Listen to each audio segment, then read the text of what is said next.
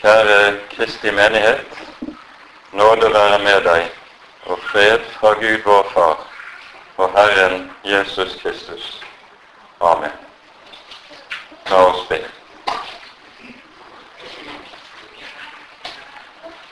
Kjære gode Herre og Hellige Far. Vi takker og lover deg at du har gitt oss rett til å tre inn for ditt ansikt for Jesus skyld. Nå ber vi, Herre, at du vil komme til oss, at du vil sende din Hellige Ånd og åpenbare dine ord, så ordet kan få lov til å gjøre sin gjerning i våre liv, og Jesus får den plass som tilkommer ham. Amen.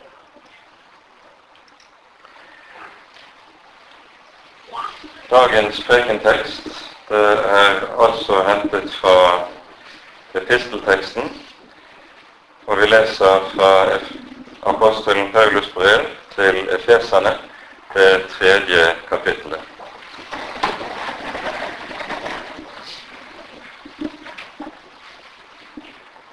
Derfor bøyer jeg da mine knær for Faderen, Han som er den rette far for alt som kalles barn, i himmelen og på jorden. Jeg ber om at Han etter sin herlighetsrikdom ved sin ånd må gi dere og styrkes med kraft i det indre mennesket. Så Kristus må bo ved troen i deres hjerter, for at dere, rotfestet og grunnfestet i kjærlighet, sammen med alle de hellige, kan være i stand til å fatte hva bredde og lengde, høyde og dybde der er, og at dere må kjenne Kristi kjærlighet, som overgår all kunnskap, så dere kan bli fylt til hele Guds fylde. Men Ham som kan gjøre mer enn alt, langt utover det vi ber eller forstår, etter den kraft som er virksom i oss. Han være æren i menigheten og i Kristus Jesus gjennom alle slekter og i alle evigheter. Amen. Hellige Far, hellige oss i sannheten. Ditt ord er sannhet. Amen.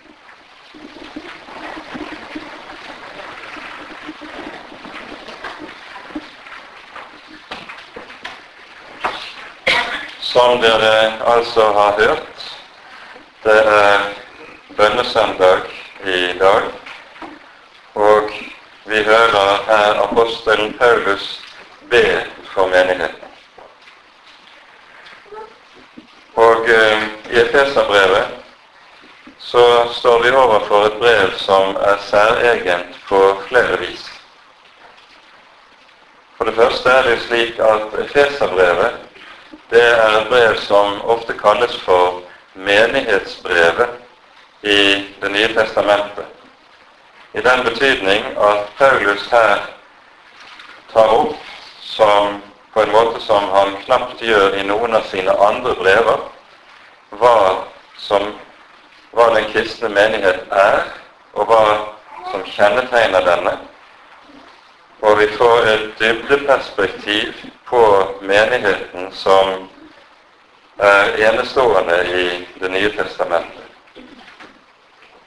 For det andre så hører vi også Paulus be for menigheten. Og eh, Paulus forbønn for menigheten er noe som likesom går igjen flere ganger i brevet. I de øvrige Paulusbrevene hører vi gjerne at brevene åpner med at apostelen forteller om sin forbønn. Men her i Efeserbrevet så er det slik at vi både hører apostelens forbønn i kapittel 1, og han er tilbake til dette hele tre ganger her i det tredje kapittelet også. Og så når vi kommer til brevets avslutning, der han taler om Guds fulle rustning, så minner han menigheten om nødvendigheten av at de også ber for ham og for apostlene i deres gjerning og tjeneste. Når Paulus ber for menighetene sånn som vi her hører, så gjør Paulus noe som eh, vi har et meget sterkt forbilde på i Det gamle testamentet i profeten Samuel. Når Samuel har salvet Saul til konge i Israel, så trekker han seg tilbake fra sin dommergjerning. Det er ikke lenger han som skal være dommer i Israels folk. Gjerningen overtas nå av kongen.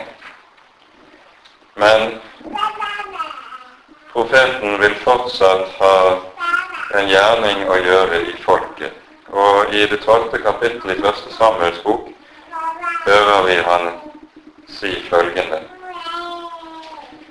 For sitt store navns skyld vil Herren ikke forlate sitt folk, siden Herren har funnet det for godt å gjøre dere til sitt folk. Men jeg, det være langt fra meg å synde mot Herren ved å holde opp og be for dere. Og jeg vil lære dere den gode og rette vei. Her hører vi det sies noe grunnleggende om den som er satt til å være hyrde i Guds folk. Han skal også be for folket og for menighetene, og om han unnlater dette, så synder han.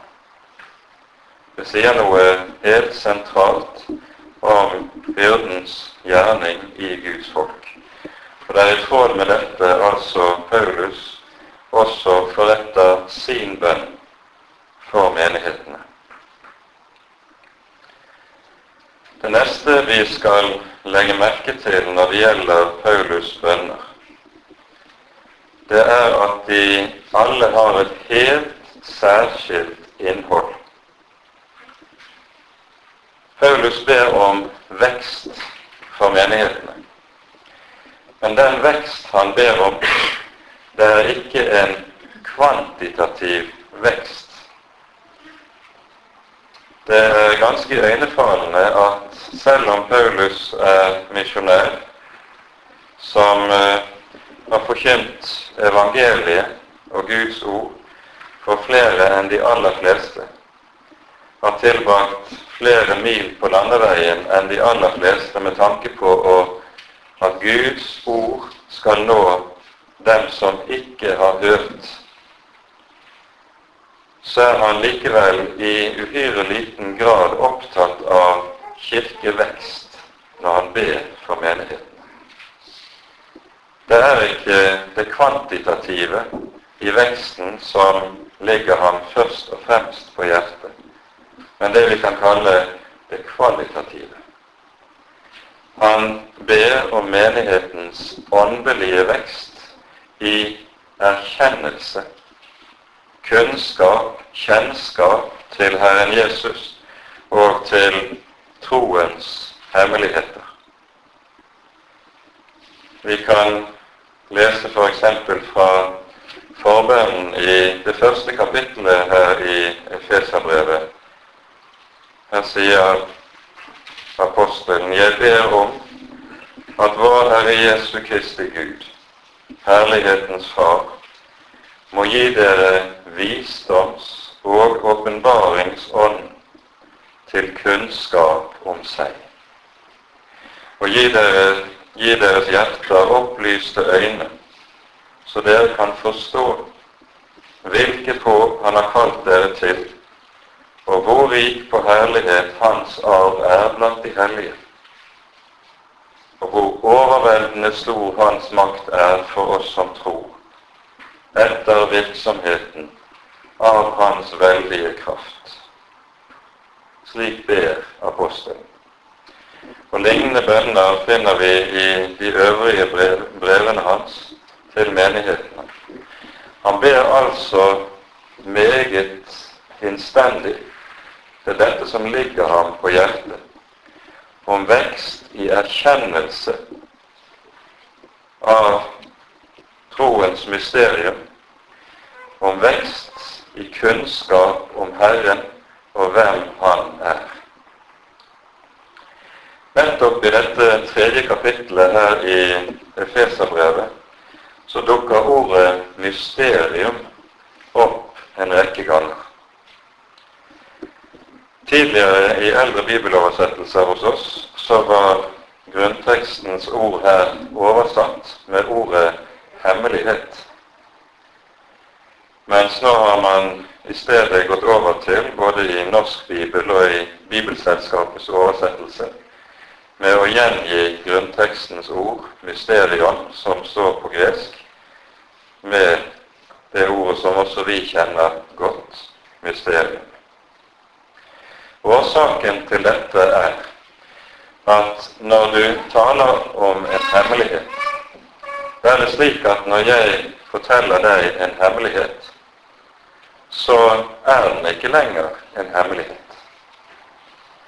Men når vi bruker ordet mysterium i denne betydning som vi finner i Det nye testamentet, så er det slik med dette ordet at når det forkynnes, når det holdes frem for oss, så er det ikke slik at når det har vært forkynt, så opphører det å være et mysterium. Tvert om. Det er slik at det forblir et mysterium som vi er avhengig av at Herren ved sin ånd stadig på ny lukker opp for oss og som vi stadig på ny må bøye kne for å be Herren om å åpenbare for oss. For evangeliet og evangeliets mysterium er noe som vi mennesker aldri kan, aldri kan beherske og gjøre oss til herre over, sånn at du likesom har det i lommen. I stedet er vi avhengig av nettopp dette at Herren ved sin ånd alltid på ny lukker det opp, lukker det opp for oss igjen og igjen. Så ber Herrens apostel som han gjør. Vi legger også merke til at i denne forbønnen om vekst i erkjennelse og kunnskap til Herren, som han ber om, så ligger det i dette en bevegelse bort ifra noe av det som kanskje et av de mest iøynefallende pregene ved den tid vi lever i. Vi lever i overfladiskhetens tidsalder. Den tidsalder der det som har med det ytre med utseende. Man snakker om ofte om image. Det er det som er det viktige. Hvilket inntrykk man kan gi. Overfladiskheten er blitt noe av et kjennetegn på hele vår kultur. Og Dette er også noe som meget lett smitter over på kristenheten og den kristne menighet. Altfor ofte står vi overfor en type overfladisk kristendom som der du får fornemmelsen av at her er det er like lettbent som om du var på Chat scene. Men det apostelen ber om, det er vekst i dybdeerkjennelse i troen. Noe som bare kan skje på dobbelt vis. For det første ved det som apostelen gjør, eksempelvis i et brev som Efeserbrevet, der han gir en grundig undervisning av menigheten. Apostelen taler og underviser med flid i troens hemmeligheter og i troens mysterier. Og så ber han samtidig at Guds hellige ånd skal ledsage denne undervisning, slik at det også kan bli til sann åndelig vekst for de troende, for menigheten. Det er jo også slik Peter avslutter sitt annet brev, der han sier slik Voks i nåde og kjennskap til vår Herre Jesus Kristus. Voks i nåde og i kjennskap til vår Herre Jesus Kristus. Jeg tror vi kanskje kan bruke de ordene som en god sammenfatning av hva det er apostelen formidler til oss i det vi har som dagens tekst.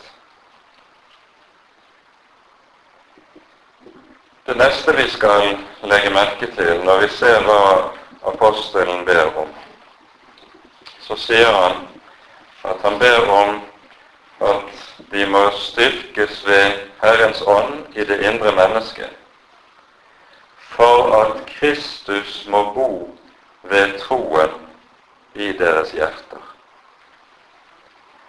For det første merker vi oss når det gjelder dette, at her ber apostelen, som man gjerne sier i teologien, han ber trinitarisk. Her møter vi alle de tre personene i treenigheten som samvirker i og hos de troende med tanke på deres liv i Herren. Faderen, Sønnen og Ånden, alle sammen samvirker i og er gjenstand for apostelens bønn.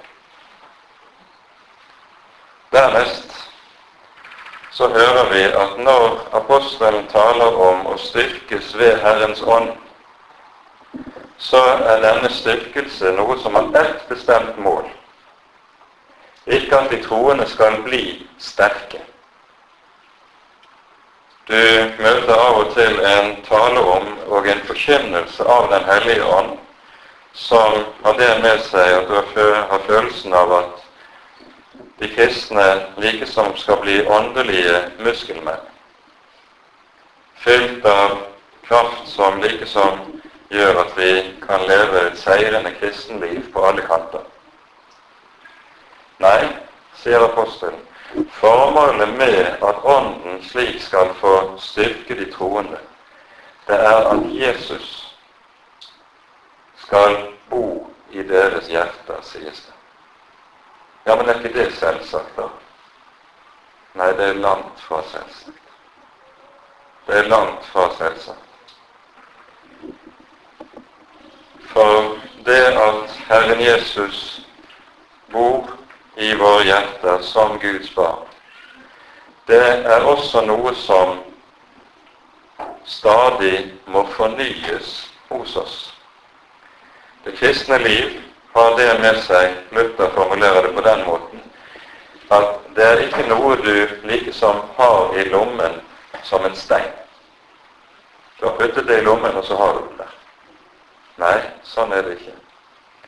Det kristne liv er noe som i stedet er avhengig av at det daglig fornyes under Åndens og Ordets stadige gjerning.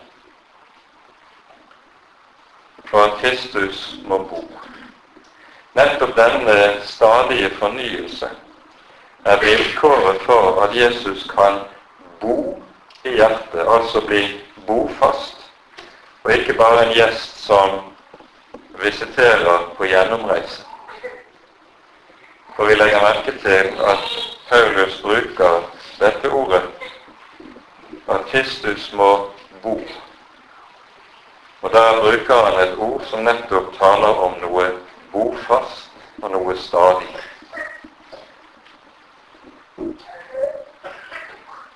Denne daglige og stadige fornyelse ved Ånden og ved Ordet.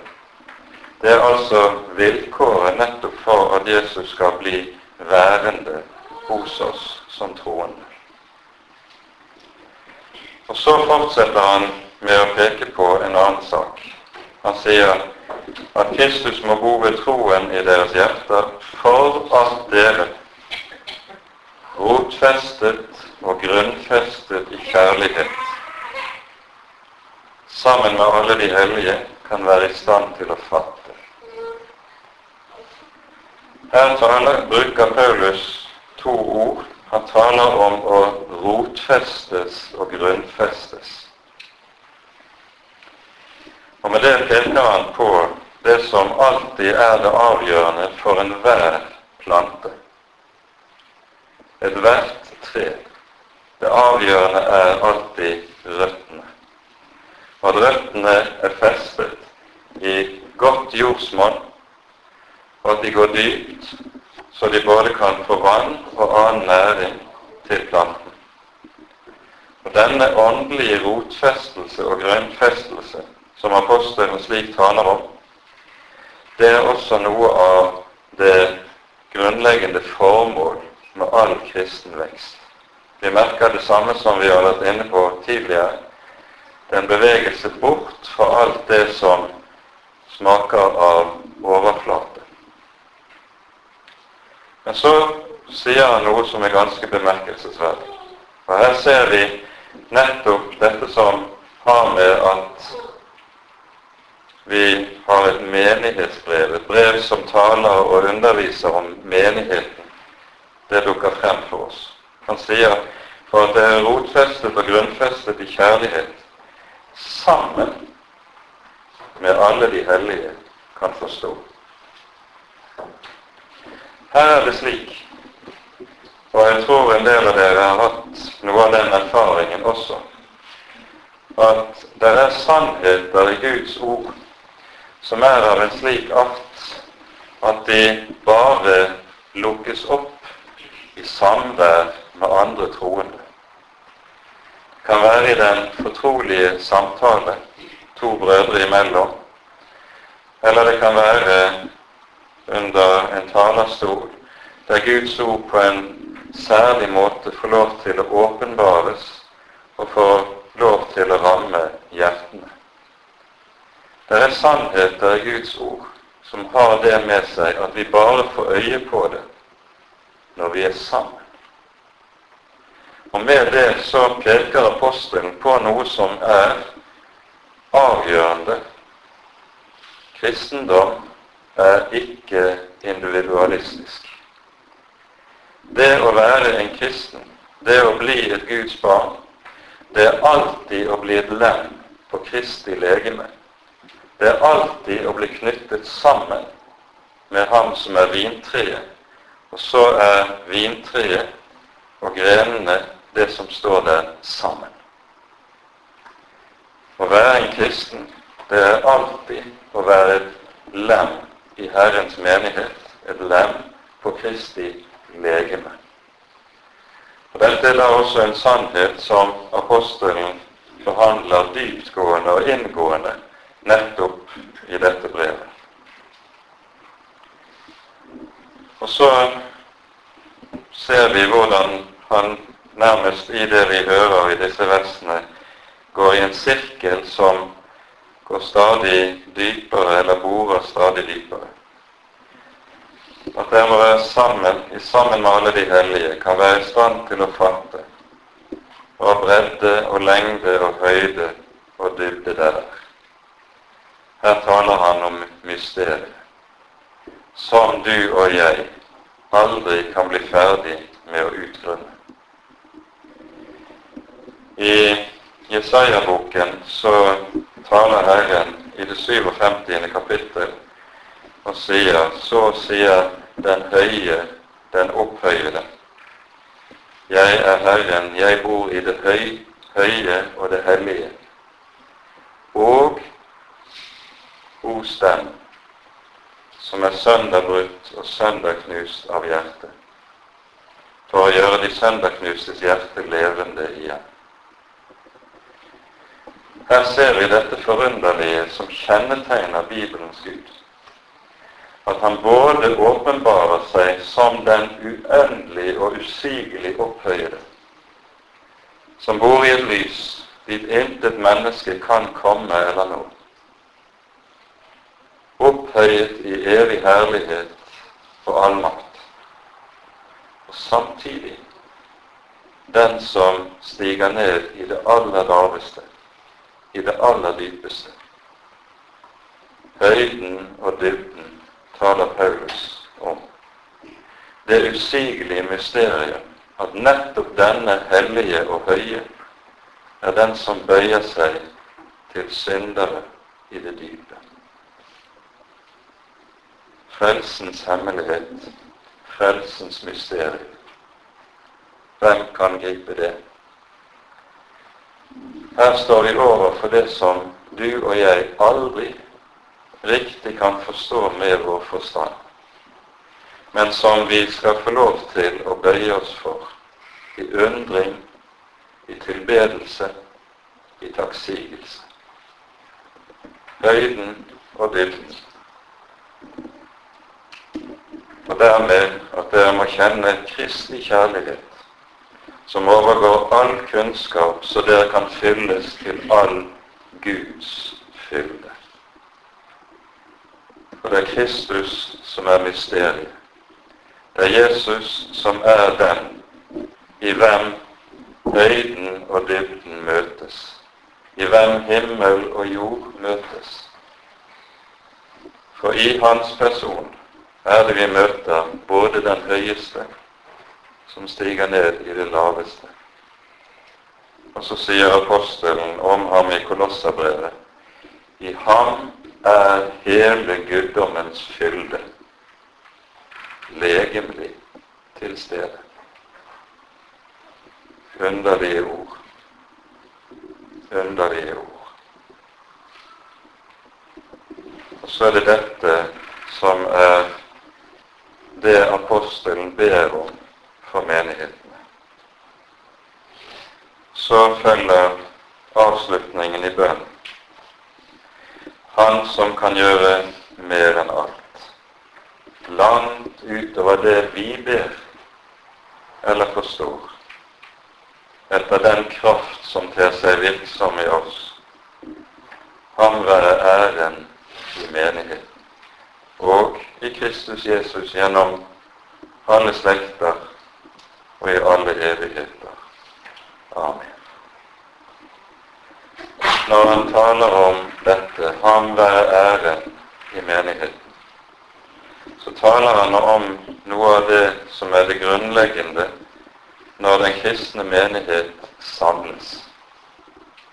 Den kristne menighet er den menighet som står for hans åsyn og synger hans pris. Hans pris som har bøyet seg til oss. For her står vi overfor noe som vi kanskje ikke alltid tenker så grundig overfor. Nemlig det at meget av det som vi er sammen om som kristne her i verden, det skal opphøre når vi når frem til himmelen. I himmelen skal det ikke være noen andakter. I himmelen trenger vi ingen forkynnelse. I himmelen trenger vi heller ingen synsbekjennelse. Alt det er lagt bak. I himmelen skal vi se ham som han er. Men det er én ting den kristne menighet gjør her i tiden, som skal vare ved i evigheten. Og det er lovsangen. Lovsangen overfor lammet som ga seg selv, lovsangen til Han som steg så dypt ned. I Salme 18 synger David i en bestemt sammenheng følgende Det er din nedbøyelse som opphøyer meg. Ja, det er vel i et nøtteskall det som vi kan se tilbake på den dagen vi er fremme ved målet. Det er din nedbøyelse som har ført til min opphøyelse, at jeg skal få rom i det evige Guds rike. Og så begynner den kristne menighet allerede her i tiden på denne sangen, som skal vare ved gjennom alle slekter, gjennom alle evigheter. Verdig er du, Guds lam, fordi du ble slaktet, og med ditt blod har kjøpt oss til Gud, av alle folk, av alle stammer og alle slekter og alle tunge mål. Den sangen fortsetter. Så sier apostelen altså Han være æren i menigheten og i Kristus Jesus gjennom alle slekter og i alle evigheter. Amen. Ære være Faderen og Sønnen og Den hellige ånd, som var og er og være skal en sann Gud, høylovet i evighet. Amen.